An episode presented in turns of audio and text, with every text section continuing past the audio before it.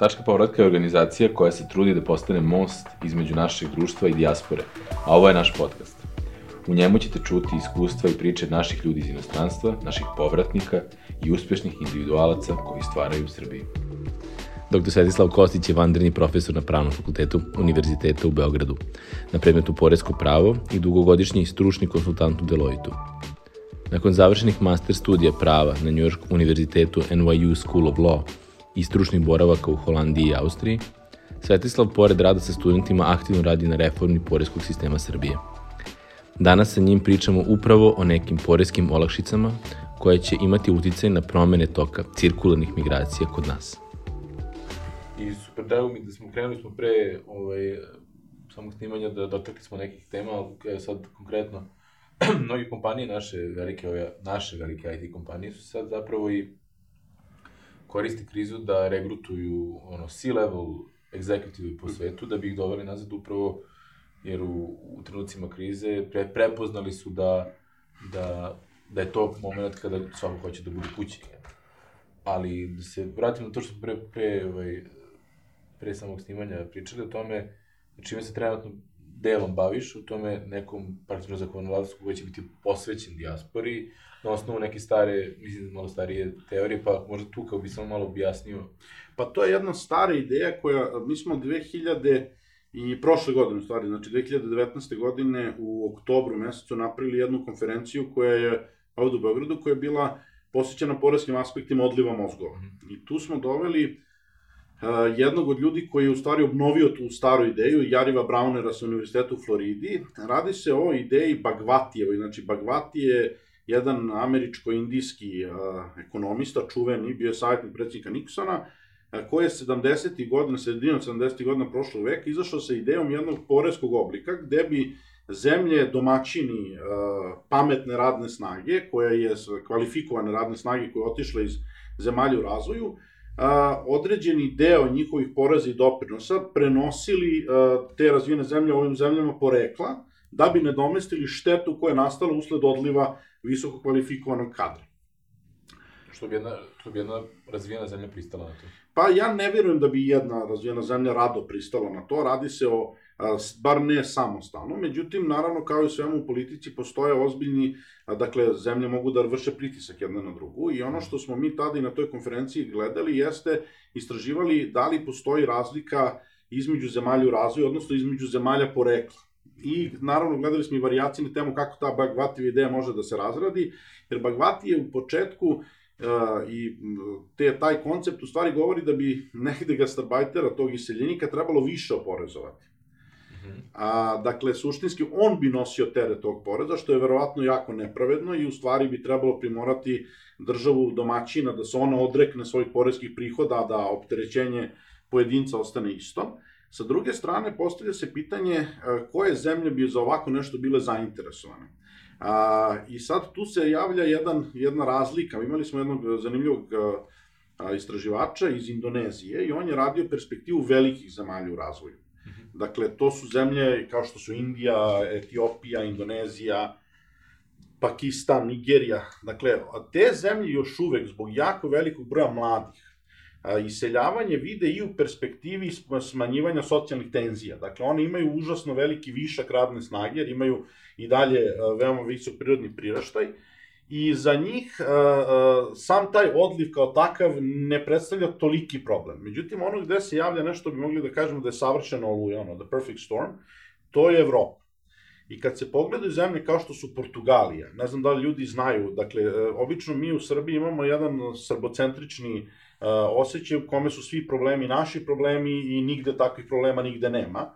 A, 45%, za 45% sam ništa Luksemburga maternji jezik je portugalski. Portugal ima milione ljudi koji su otišli, dakle mislim da je broj oko 3 miliona na nekih desetak miliona stanovnika. Bugarska ima veći problem nego što ima Srbija, Rumunija takođe, čak i nemaju tačne evidencije koliko. Depopulacija određenih delova Bugarske je veća nego što imamo u najstrašnijim primjerima u Srbiji, slično Albaniji, u Makedoniji, sada i u Hrvatskoj, Bosni i Hercegovina, Poljska je nadomestila milione svojih iseljenika uplivom imigranata u stvari iz Ukrajine koji su da. ušli u poslednjih nekoliko godina. I sve ove zemlje, šta one imaju zajedničko? E, pola Italije, ako se gleda južna polovina ispod Rima, a Grčka, Sve ove zemlje dele dve osobine. Prvo, da imaju užasno nizak prirodni priraštaj i da imaju mnogo malo mladog stanovništva, a bez njega prirodnog rasta nema i istovremeno imaju izuzetno visok stepen iseljavanja tog istog stanovništva u druge zemlje, što za razliku od ovih velikih zemalja u razvoju njima stvara užasan problem. I onda je, dakle, ono čime se ja trenutno, eto, kao bavim kao istraživanjem, jeste jedan evrocentrični predlog koji bi bio usmeren na zemlje evropskog regiona u kojima se javlja upravo ovaj problem. Dakle, to sadejstvo dve, dva negativna kretanja, kako niske, najniskog prirodnog priraštaja, tako i ovaj, ogromnog stepena na iseljavanja, što zemlje porekla, dakle, suštinski onemogućava da postignu onaj uh, nivo prirodnog rasta koji bi im omogućio da, da ovaj, uh, na kraju negde zaustave te tokove i da postanu i one razvijene u jednom trenutku. Kako bi to funkcionisalo u nekom direktnom primjeru, evo, konkretno Srbija, ono što znamo je da oko 51% celokupnog iseljenika su otišli u Nemačku. Uh, kako bi to u nekom... Pa suštinski ono što nama trenutno, to je nekada bilo dosta teško, međutim sada nam moderna tehnologija Big Data omogućava da to uradimo i sada ono što je to moje istraživanje koje taj članak još uvijek nije gotov, pa Dobre. dakle, postoje neki predlozi, Matthew Lister je izašao sa jednim, uh, da se omogući, dakle, dakle, jedan, a, suštinski kako to sprovesti administrativno. Međutim, ono što mislim da nama moderna tehnologija Big Data omogućava jeste da mi u okviru baza podataka poreskih uprava pronađemo ko su ljudi koje, koji bi potpadali pod ovo pravilo. -hmm. Ja ne vidim da bi to uopšte trebalo raditi kao što je Bagvati predlagao vezano za kvalifikovanu radnu snagu, jer u ovim demografskim uslovima svaka radna snaga je dragocena i a, na osnovu toga vi bukvalno možete da opredelite jedan procenat možete da izračunate kolika su njihova poreska davanja, kolika su im davanja za socijalno osiguranje i jedan procenat toga da bukvalno uh, Nemačka jel, transferiše uh, zemlji, zemlji porekla. Da li bi ona na tako nešto pristala? Najverovatnije ne. U neko, dakle, verovatno bi takva ideja bila negde, negde ismejana, međutim, ukoliko vi pronađete zajednički interes, na zemljama koje sam nabrojao, tada već možete da igrate različite političke igre i da, ovaj, kao i u svakom, svakoj temi, a porez su par excellence poreska tema, da, da ovaj, ucenjujete, primoravate, pregovarate ili već šta. A ono što je zanimljivo je da, na primer, kada gledate kako se te zemlje bave a, i zašto su, koliko smo mi u stvari zaostali, a mi jesmo zaostali odnosno na njih značajno, dakle, a, države, OECD kao organizacija koja okuplja najbogatije zemlje na svetu i najrazvijenije, je davno osmislio jedan model ugovora o izbjegavanju dvostrukog oporezivanja. A, I oko tog modela postoji, trebalo bi da postoji saglasje država članica OECD-a, Nemačka je jedna od njih. I taj model kaže da se penzije, sad ću vam objasniti zašto je ovo bitno, jer kretanja migratorne imaju dva koloseka, da se penzije oporezuju isključivo u državi rezidentstva. Rezidentstvo, najprostije rečeno, je e, mesto gde ste se nastanili sa namerom trajnog boravka. I kada naš e, gastrobajter ostvari uslove za penziju, u ogromnom broju slučaja on se vraća kući. Zato što sa tom penzijom koju je tamo ostvario, on ovde može da živi mnogo bolje. I on će samim time, preseljenjem ovde, postati poreski rezident Srbije. Prema modelu OECD-a, Pravo na oporezivanje te devizne penzije pripadalo bi samo državi u kojoj se, on, koji se ona stani, u ovom našem primjeru Srbiji. Još od 80. godina Nemačka insistira na tome da ugovorim izbjegavanju, iako je država članica OECD-a, da ugovorimo o izbjegavanju doslovno oporezivanja sa državama kao što je naša, se od tog pravila odstupi. I da se državi izvora, državi isplatioca penzije, pruži uh, pravo na oporezivanje. Tako da, mi, na primjer, u Srbiji, ne, ne samo što će naš gastarbajter koji se vrati ovde da bude lečan, iako on nikad nije uplatio ni dinar ili je uplatio jako malo u naše fondove socijalnog osiguranja, mm. Jer ćemo mi dati zdravstvenu knjižicu iako on doprinose ne plaća, već mi njegovu penziju ne smemo ni da oporezujemo, zato što je pravo na to oporezivanje te penzije prepušteno Nemačkoj. Po kom pravnom ustavu je to napravljeno? Ugovor izbjegavanja dvostrukog oporezivanja kao posebni sporazum između dve države. I to smo mi pristali na to. Mi smo na to pristali još 80. godina prošlog veka, za vreme SFRJ. I, I Nemci su toliko unapred gledali. Mi sada pregovaramo ponovo sa Nemcima ugovor. Ja iskreno da budem, ne znam šta smo mi a, zaključili po tom pitanju. On, ja znam da sam ja prošle godine a, objavio ovo što vam pričam, e sad, ali znam da je to, i Nemačka nije jedina zemlja s kojom imamo ovakav problem. Jesu i ostale zemlje kojima je... Vrlo slično, u Evropi naročito. Pričamo dakle o Austriji, da, Švajcarskoj. Tako. Sad, na pamet ne znam, ali znam na primjer da su Nemačka i Austrija definitivno. Da. Ne, uh, morao bi da proverim tačno listu zemalja, ali, ali vrlo je široka. Da. da. Sad, kad pričamo o tim o porezkim aspektima, vi ste učestvovali generalno na, na stvaranju ove nove, relativno nove poreske politike za povratnike i za koje obuhvata i strance. Koja je bila nekako logika i za postavljanje tog modela i koji su uh, za sada neki merljivi efekti i koliko, mislim... Pa, ovako, mi smo tu uradili, uh, dakle, ta, ta cela reforma je započela oko jednog problema koji ljudi, uh, našto u IT-u znaju, to je problem reći ću, paušala. Jel? Mm -hmm. I uh, u svetu se to prepoznaje kao nešto što je Uber-like employment. I mhm. to uopšte nije srpska posebnost, to je nešto vrlo često i mnoge države se protiv toga bore. Odnosno, pokušavaju da razreše to pitanje. U Engleskoj, na primjer, su sudovi baš u Uberu, predmetima koji su vezani za Uber, radno-pravni tribunali, njihovi u prvoj i drugoj instanciji sudili da uh, su vozači Ubera zavisni radnici. Oni imaju tri kategorije, imaju employee, da. worker i entrepreneur. Oni su srednja kategorija worker. Da, neko, ali nekoliko puta su oni pokušali da zaustave rad Uber u Londonu, međutim to još uvijek funkcioniše. Ne, ne, ne, ne radi se, ovde nije ni pokušano da, ovo se ne radi o zaustavljanju, se radi o kvalifikaciji šta je taj okay. vozač u odnosu prema Uberu. I a, tada smo mi, to je počelo 2018. godine. 2018. godine izašao prvi paket mera. Prvi paket mera je suštinski pokušao da pošalje jednu poruku. Još uvek se ovaj problem nije ni dirao i dati, dati jedan skup podsjeća na terenu poreza na dobit. Taj skup podsjeća suštinski vama omogućava da ako stvarate intelektualnu svojinu u Srbiji, a, porez na dobit je, može da bude nula. Drugim rečima, a, mi smo dva pravila uveli. Prvo pravilo kaže da ako ti ulažeš, imaš troškovi istraživanja i razvoja, to je ako ti ovde sa svojim ljudima stvaraš neku intelektualnu svojinu, a, najšire moguće svačinu, onda se za poreske potrebe svaki dinar troška računa kao 2 dinara. Dakle, tvoji rashodi su za poreske potrebe duplo veći da. od onih koji su za poslovne e, i a, time se smanjuje a, a, osnovica za porez na dobit. E sad, ovo važi nezavisno od toga kakav je uspeh tvog istraživanja i razvoja, jer on može da bude i neuspešan, je tako? Dakle, e sad, ako, uspe, ako taj proces je uspešan i stvoriš intelektualnu svojinu, onda prihod koji nastane po osnovu te uh, uspešno stvorene intelektualne svojine se u Srbiji oporezuje po efektivnoj stopi od 3%, dakle ne od 15, što najniže. jedno od najnižih. Dakle, e sad, pošto su ova dva potica idu jedan sa drugim, dakle ja duplo priznajem troškove neuspešnog istraživanja, a prihod od uspešnog oporezujem po 3%, kad se to spoji zajedno, doćete do efektivne nule. Mm -hmm. I to je nešto što radimo mi, rade Indici, Švajcarci, redki su zemlje koje ovako idu široko. Mm -hmm.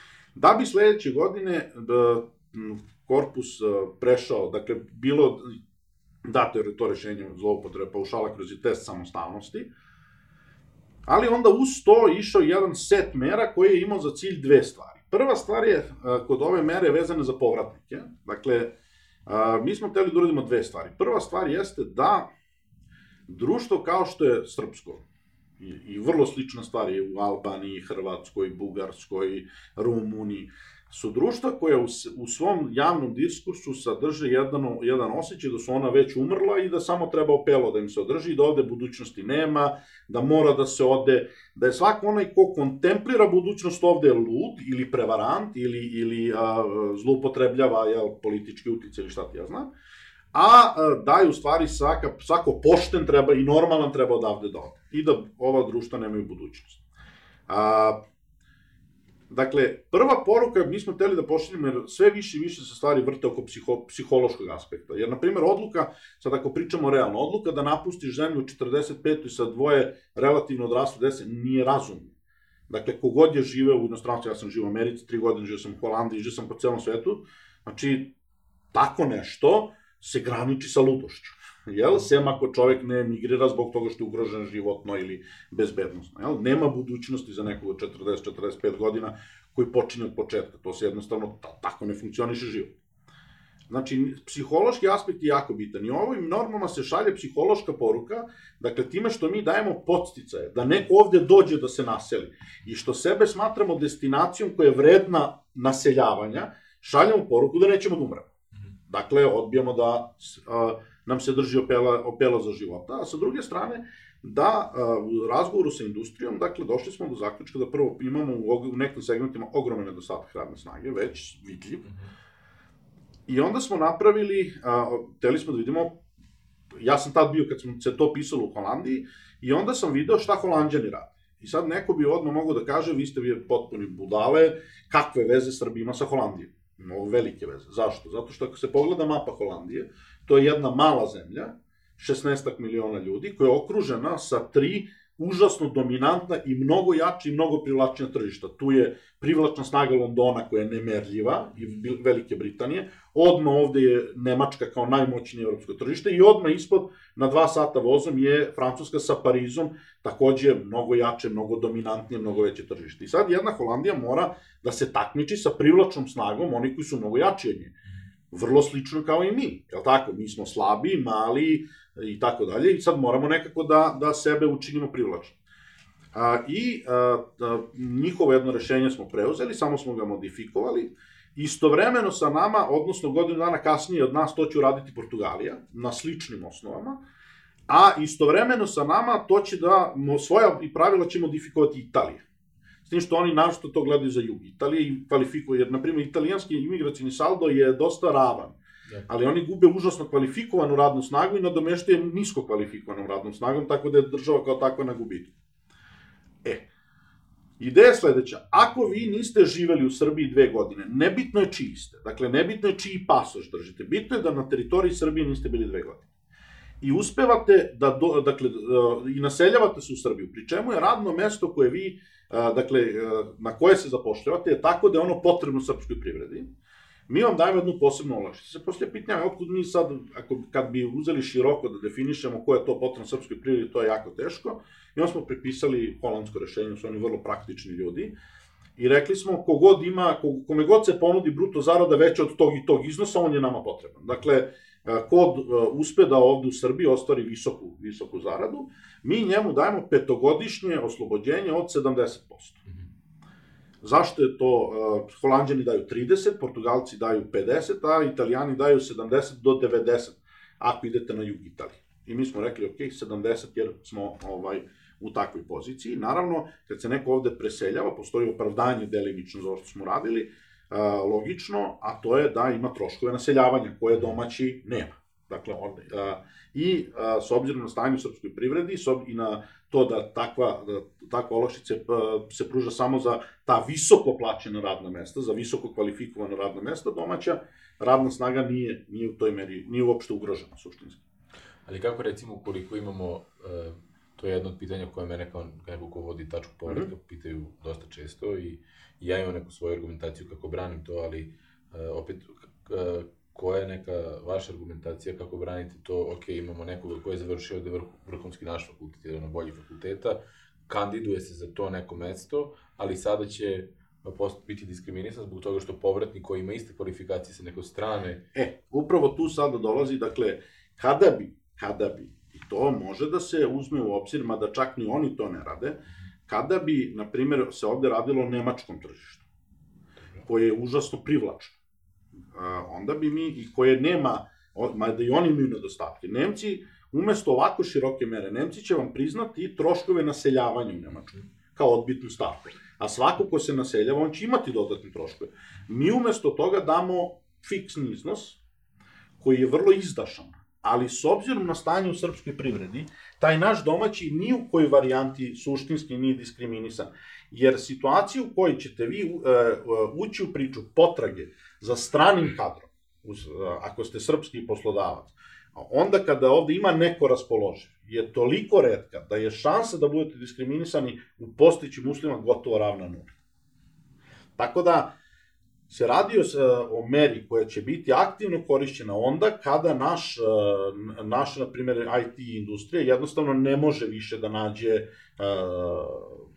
kadar ovde, i onda izađe i počne da dovodi Indice, Bangladešane, ko što su već počeli da, da rade, ili ljudi iz nekih drugih zemalja. Ono što smo takođe pokušali da uradimo jeste što smo razmišljali o dve stvari. To je da uvedemo posebno pravilo za one koji su na školovanju inostranstvu. Tako da se ova mera odnosi na one, ako su mlađi od određenog broja godina, a, a, uslov je da su bili samo godinu dana u inostranstvu, dakle suštinski jurimo one koji su na master studijama od godinu dana, i za njih je prag u pogledu zarade niži nego opšti.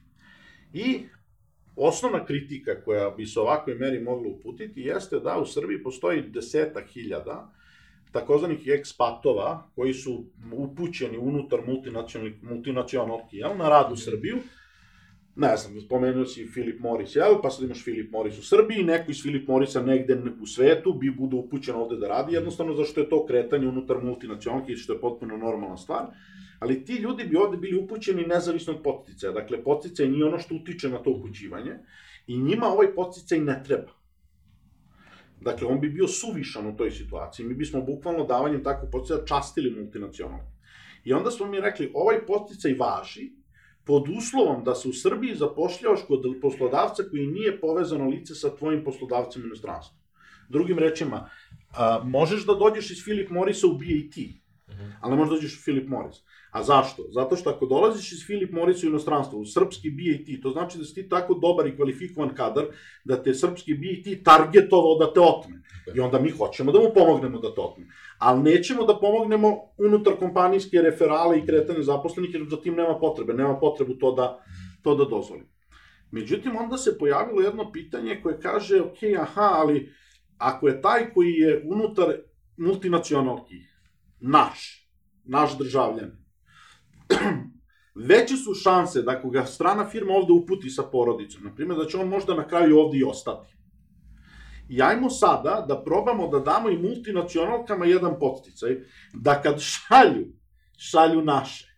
Dakle, da nam vraćaju naše, koji su našli posao negde tamo. I onda smo rekli, podsticaj važi, i sad uh, vi ne smete da napišete, ne smete, mislim, ne smete šir, ali ajde kolokvijalno, ne smem da napišem uh, ovo pravilo važi za srpske državljane. To bi bila diskriminacija koja inače po našim sporazumima od izbjeganja dvostrukog upoređenja zabranjena ali zabranjena je, dok, dokle god nismo članice Evropske unije, samo direktna diskriminacija. Mi smo ubacili indirektno. Mhm. Šta to znači? To znači, pravilo glasi, ko je u poslednjih 25 godina, najmanje 3 godine imao centar poslovnih i životnih interesa u Srbiji, može i on unutar multinacionalnog. Šanse da je neko ko nije srpski državljan ispunjava ovaj uslov je negde jedan promil. Da. Dakle, i to pravilo takođe postoji. Znači, tako da i unutar multinacionalki može, ali suštinski pod uslovom da je referal naš. Jer su nam tu šanse da će on da ostane, a, takođe, uslov da bi se podsjej koristio jeste da to lice ovde stiče centar život, poslovnih i životnih interesa. Šta to znači? Mora seli ženu i decu, ako ih ima.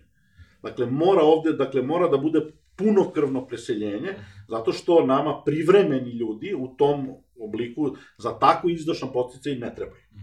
Tako da, kad se kaže o tome da li su oni diskriminisani, pa, dakle, s obzirom na to da smo mi nametnuli e, obavezu da, da bi koristio podsjej, sve svoje mora da seli za Srbiju.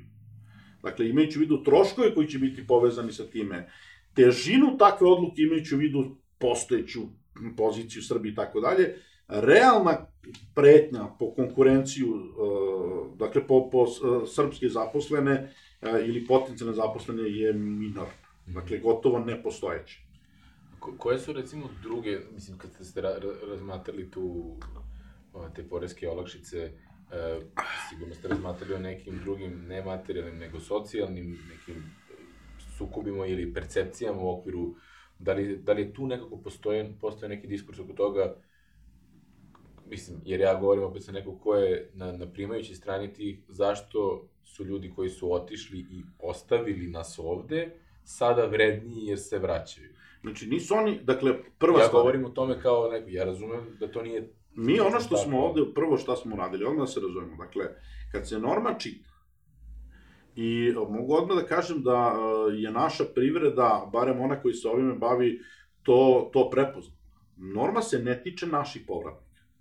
E, norma je otvorena za sve. Dakle, ona ne, ona ne bira. Samo u domenu multinacionalki jasno, jasno, jasno. smo mi dali prednost nekome ko ima naš pasoš, Da. zato što smo, da. zato što smo želeli da motivišemo multinacionalke da kad biraju koga će da nam pošalju, nam šalju naše, jer je šansa će oni da.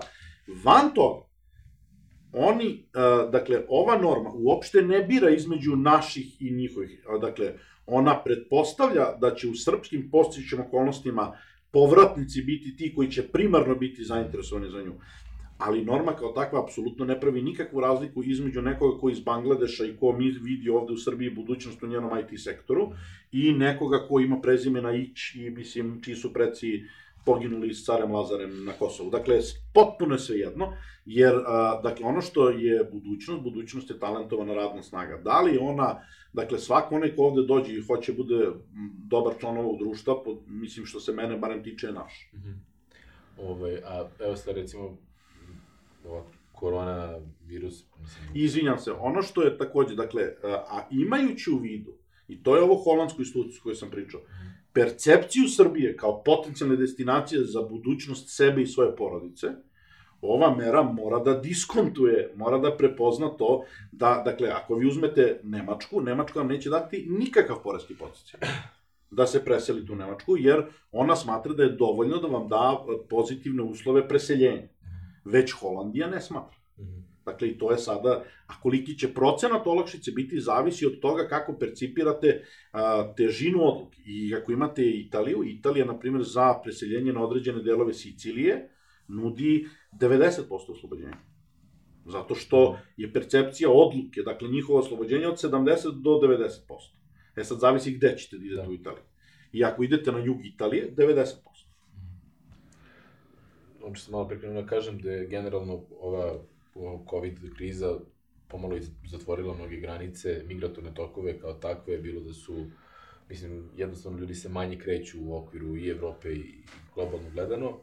E, I sad se pominju te, te brojke koliko ljudi se zapravo vratilo u zemlju, Da. imamo neke cifre. E, kako će to uticati na, na stanje i u ekonomiji, po nekoj vašoj proceni, i kako, kako se sada u stvari dalje postavljati, kako politike okrenuti e, ka tim ljudima koji su se vratili, da li postoji neka šansa da ti ljudi, da ih zadržimo? Sad malo sam postavio više pitanja, ali to je sve deo jedne, jednog kolača.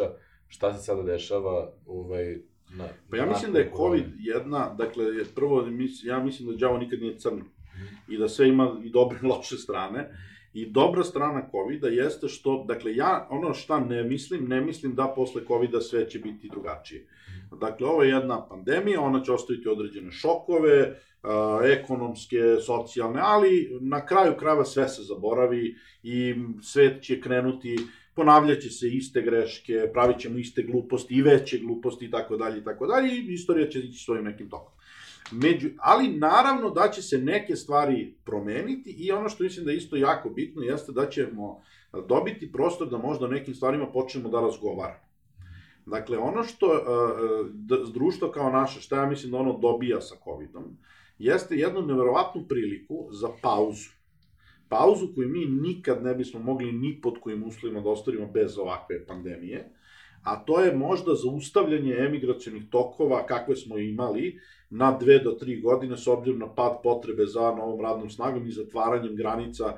Dakle, Evropska unija već donosi pro- propise koji gde će se za potrebnu radnu snagu oslanjati na unutrašnje resurse, čitaj Bugarska, Rumunija, Poljska, Portugalija, Grčka, dakle Hrvatska, Mađarska, a, a, a da ćemo mi a, da će se moći, dakle, da će se našim, našoj radnoj snazi veći odliv omogućiti tek naknadno kada dođe do ponovnog da. da, i do povratka na stare nivoje razvoja, međutim tu se javlja dodatni problem je što automatizacija i robotizacija svetske privrede će e, ogroman broj onoga što je otišlo iz Srbije u poslednjih deseta godina je, koliko god to ružno zvučalo, e, privremeni uvoz.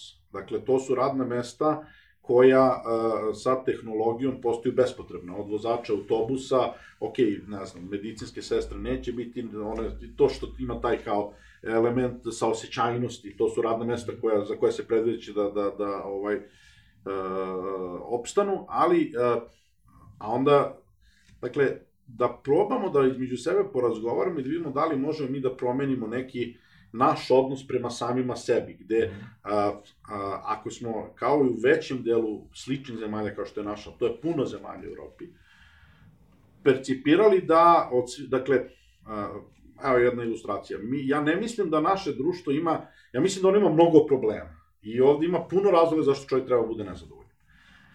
Ali puno takvih razloga ima i u drugim zemljama. Razlika je što ja ovde te probleme osjećam kao svoje i onda me oni jako iritiraju i onda se ja nesrećan, nezadovoljan, depresivan. A kad odem negde drugde, u društvo koje ne razumem, ja te probleme uopšte i ne percipiram, tako da se onda njima i ne bavim. Pa mi deluje da ih i nema. Nije tačno da ih nema, nego sam ja samo stran tom društvu i ja ono što boli one koji su domoroci ne razumem. Ili s time ne bavim i sve jedno mi.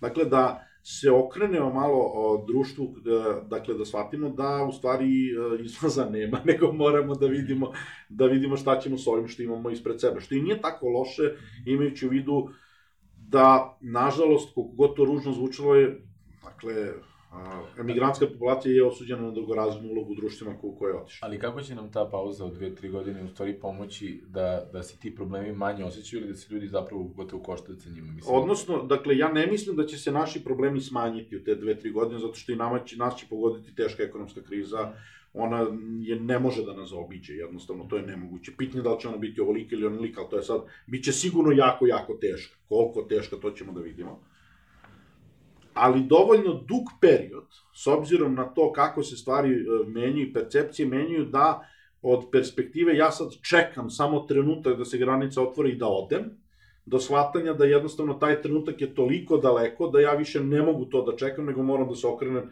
društvu u kome živim i da vidim a, ako stvarno postoje neki razlog za koji se ja ne znam se, ja tim razlozima onda ozbiljno ovde i pozabavim.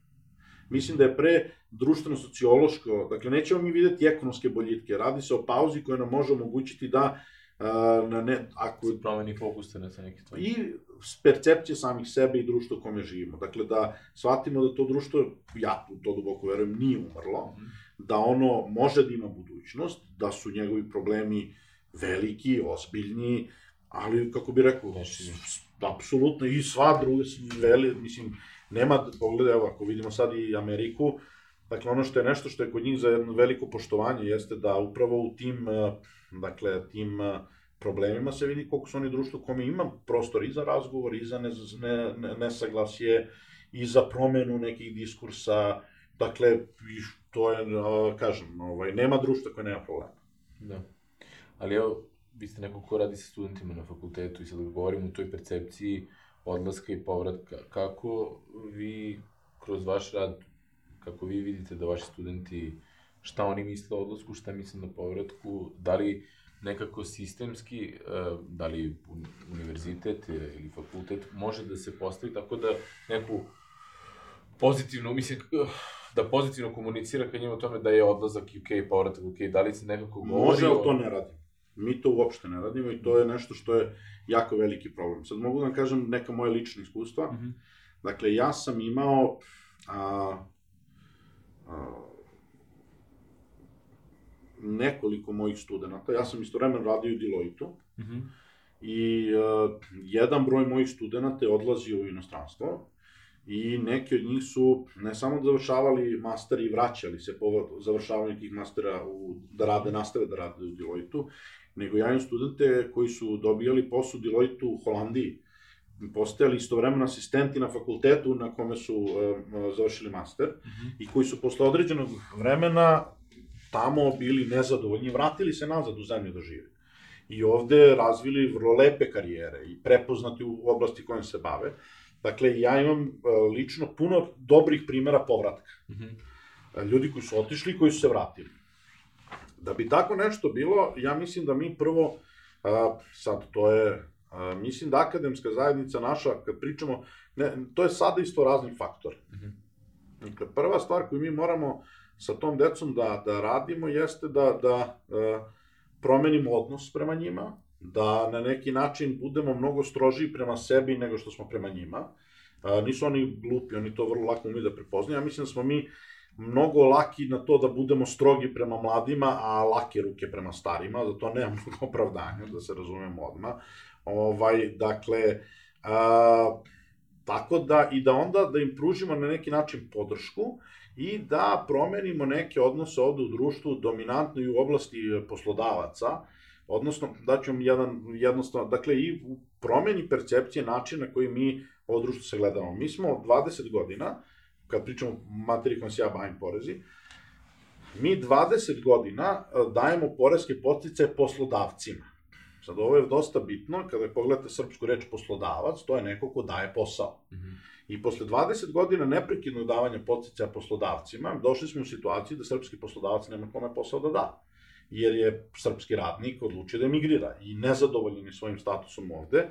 Tako da možda neke malo e, ideje solidarne ekonomije, neke društvene solidarnosti, ravnopravnosti, otkrivanja društvenih nejednakosti, može ponovo, iako može na prvi pogled da deluje kao socijalističke ili leve ideje, u stvari može da bude pristup koji će srpskom poslodavcu omogućiti da postane ono što bi trebao, što želi da bude, a to je da bude neko ko ima kome posao da da. U suprotnom, ni on ne može da bude poslodavac. Tako da, a, je to a, e, nešto što, evo, ovaj COVID takođe nam omogućava malo da sednemo i da promislimo da li su mantre koje ponavljamo neprekidno već 20 godina bez ikakvog rezultata suštinski mhm.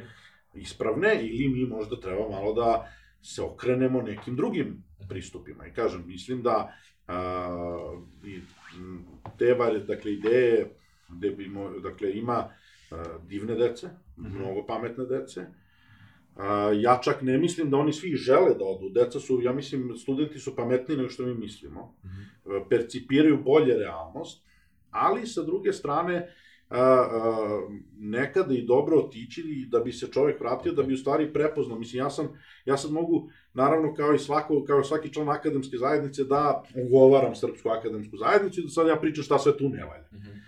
Ali ja sam i gore stvari viđao u inostranstvu, mm -hmm. u vrhunskim akademskim institucijama, i zavist, i to da uh, neko sapliće nekog što je on bolji, i hijerarhijska vertikala kao opšte vredno, i tako dalje, tako dalje. Dakle, mnogo problema ima svuda, mm -hmm. ali ono što je bitno jeste da mi vrednostno menjamo sistem mm -hmm. i da uh, ako hoćemo, ako su mladi, poenta onda, ali to je užasno nepopularno, zato što smo mi, što smo stari, to smo konzervativni, morali bi veći teret svega da prebacujemo na starije.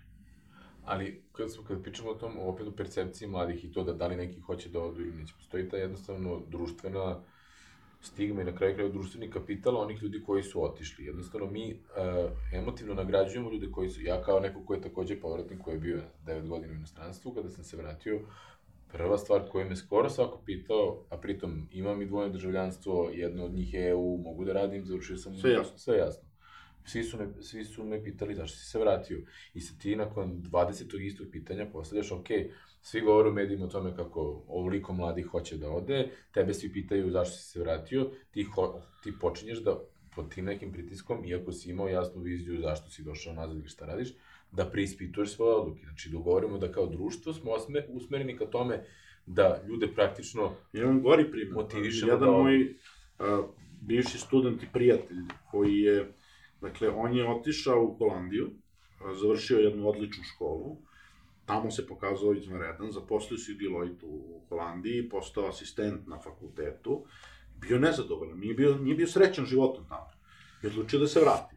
I a, ja, on se vratio i sada radi u Deloitte ovde u Beogradu, u Srbiji, vrlo uspešan jak, i vrlo je srećan zbog toga. Mm -hmm. Ali, na primjer, njegovi roditelji su nesrećni. Iako on bolje živi ovde i lepše mu, ne, nego što je u Holandiji i ovde će da, mnogo dalje stići i e, moći će da bude mnogo uspešniji, pričam po zvanju, nego što bi ikad mogao da, da. bude u inostranstvu, jer zna se granica dokle može da doseljenih dođe. Posle neke granice on dalje ne može da ide. Mm. Ili može, ali pod ekstremnim uslovima, mm. koji opet govore o tome koliko je to izuzetan slučaj. Uh, ali radi se o nečemu, to je isto jako zanimljivo, s, mi smo na ovoj konferenciji prošle godine, taj uh, profesor Jari Brauner je, je, on ima jedan rad na tu temu, da on govori u stvari da je u trci za privlačenjem kvalitetne radne snage, je, e, su, zemlje, su razvijene zemlje u stvari počele da se utrkuju u slanju poruke očaja -hmm. u zemlje izvora radne snage. -hmm. Jer šta je stvar? Dakle, aj, i to je tržišna zakonitost jedan na jedan. ako ja mislim da imam izbor, ja ću da se cenkam. A ako sam ja očajan i mislim da nemam izbor, moja cena pada. Dakle, onaj ko je očajan, ko mora da ode, on će da ode za manje para nego onaj ko misli da ima izbor i koji će pregovarati svoju cenu mnogo više. Dakle, time se spušta trošak naseljavanja tom porukom očaja i vi kada pogledate, vi vidite da postoji, dakle, postoji to i u medijima. Postoji jedan pristup širenja te kulture očaja. Ja mislim da mi uh, uh, sve radimo pogrešno. A sad ću da vam kažem zašto. S jedne strane mi šaljemo uh, sliku očaja kako je ovde apsolutna kataklizma svega, što definitivno nije tačno. Sa druge strane, se čuje iz određenih krugova poruka savršenstva i opšteg procvata i ne znam, što takođe nije tačno. I onda, oni koji su ubeđeni u opštu propast, priču o opštem uspehu shvataju stvari kao samo potvrdu svog stava da odavde mora da se beži. A kad bi imali jedan racionalniji razgovor, kritički razgovor gde bi sagledavali sve naše i prednosti i mane, a imamo i jedne i druge, na jedan realniji način, ali na jedan pozitivan način. Zašto? Zato što najbolje je tamo gde si prvi nakazan. Mm -hmm. A mi smo videli sada kada je došao COVID, kako je odjednom da li su desetine ili stotine hiljada ljudi, ali to nije samo iz Srbije, to je Rumunija prošla istu priču, to je Bugarska prošla istu priču, iz Norveške su avioni slati sa Romima za Rumuniju, koje su kupljeni na ulici. Kako odjednom se taj kazan iseče i on je sad samo za neki. I više nije za neke druge. I a, a, to utočište, to mesto gde si ti svoj na svome u kome su te svo tvoje imani i vrline, to je mnogo, mnogo ogromna prednost koju ljudi lako gube. Mm -hmm. ovaj, lako je, gube iz vida. Mm -hmm. A, pri čemu a, biti, živeti ovde, mislim, ja mogu da, ja, ja sam mnoge stvari a, karijerno dobio zato što sam ostao u Srbiji.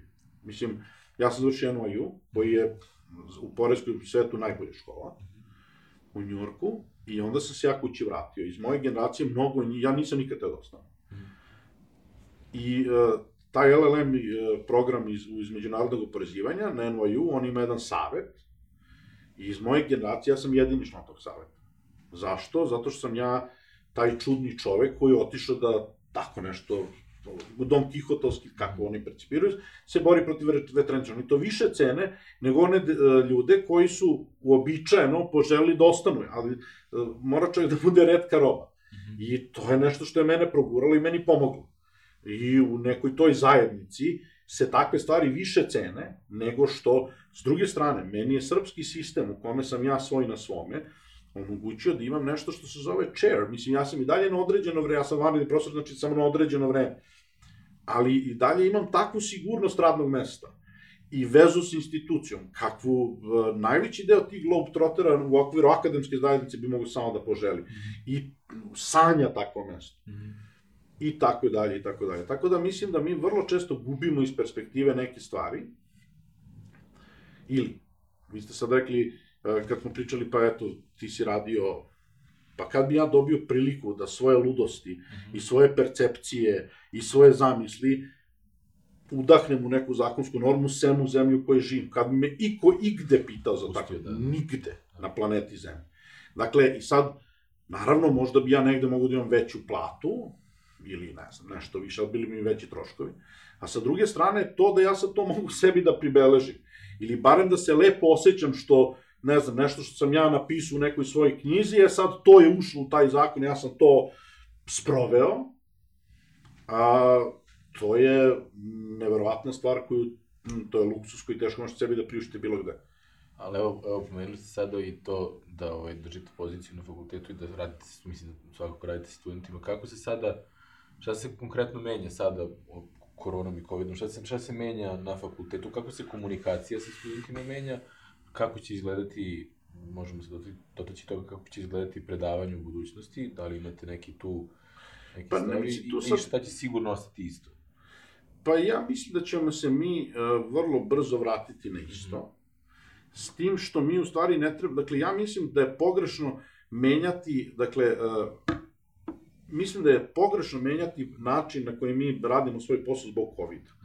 Mi treba da menjamo na, način na koji mi radimo svoj posao, zato što neke stvari mi već godinama i decenijama znamo da možda nisu dobri i da trebamo da ih promenimo i da trebamo da se osnovimo na, na, na nove tehnologije, ali ne zato da bi eto, izmestili predavanja na, na virtualnu osnovu, jer je interakcija strašno bitna stvar, živa interakcija, ne samo između na liniji profesor-student, nego između studenta, između njih. Mm ta, ta, ta razmena njihovih mišljenja je, je, je jako, jako važna i mislim da i dalje živ kontakt tu neophodan. Ali ono što možemo da vidimo jeste da, dakle, možemo neke druge stvari da dovedemo u pitanje, tipa a, hoćemo da pređemo na virtualne učbenike. Mm -hmm. Dakle, mislim da u stvari mi kroz ovaj COVID ne treba da se prilagođavamo COVID-u, jer mislim da je to bez veze, on će, kažem, to je jedna crtica u istoriji 21. veka, i proći će, mislim, zaboravi se. Nemojte da, ne, ne znam da ljudi to znaju. Najveselije delo uh, humanizma i renesanse Decameron napisao je Boccaccio za vreme kuge u Firenci, mhm. kada mu je poginulo pola porodice. Mhm. Dakle, one mogu da bude izvor radosti i sreće i ne mora samo da se, da se iz pandemija loše stvari, ovaj, a ta je bilo mnogo gore. A, tako da mislim da mi treba da ovo prepoznamo šta sve moderne tehnologije mogu da urade za nas i da izaberemo ono što je u stvari najbolje, na primjer ti virtualni, ne znam, nećemo da sečemo šume, nego ćemo napraviti virtualne užbenike koje mhm. ćemo dopunjavati sadržajem, i koji će u sebi sadržati mnogo više od onoga što mi možemo sada na papiru da im pružimo, a plus to da čuvamo životnu sredinu, što je definitivno mm. neophodno. Mm -hmm. Mi u tački povratka trenutno pripremamo dva neka istraživanja, jedno je vezano za ljude koji su se vratili za vreme uh, COVID-a, a drugo je jedno veliko istraživanje mapiranja dijaspore kao takve. Ovaj, pa i to će sad nekoliko meseci naravno traje, to je dugačak proces. Ja bih o, sada iskoristio priliku da se zahvalim što ste sad bili Moje zadovoljstvo. U, u ovoj emisiji i da nekako otvorim poziv da zajedno analiziramo ovaj, kada budemo imali te neke podatke, neko, neko šire razumevanje, da zajedno, da zajedno razgovaramo o tome šta su neki dalji koraci koje možemo da... Hvala vam. Sa zadovoljstvom, hvala vam.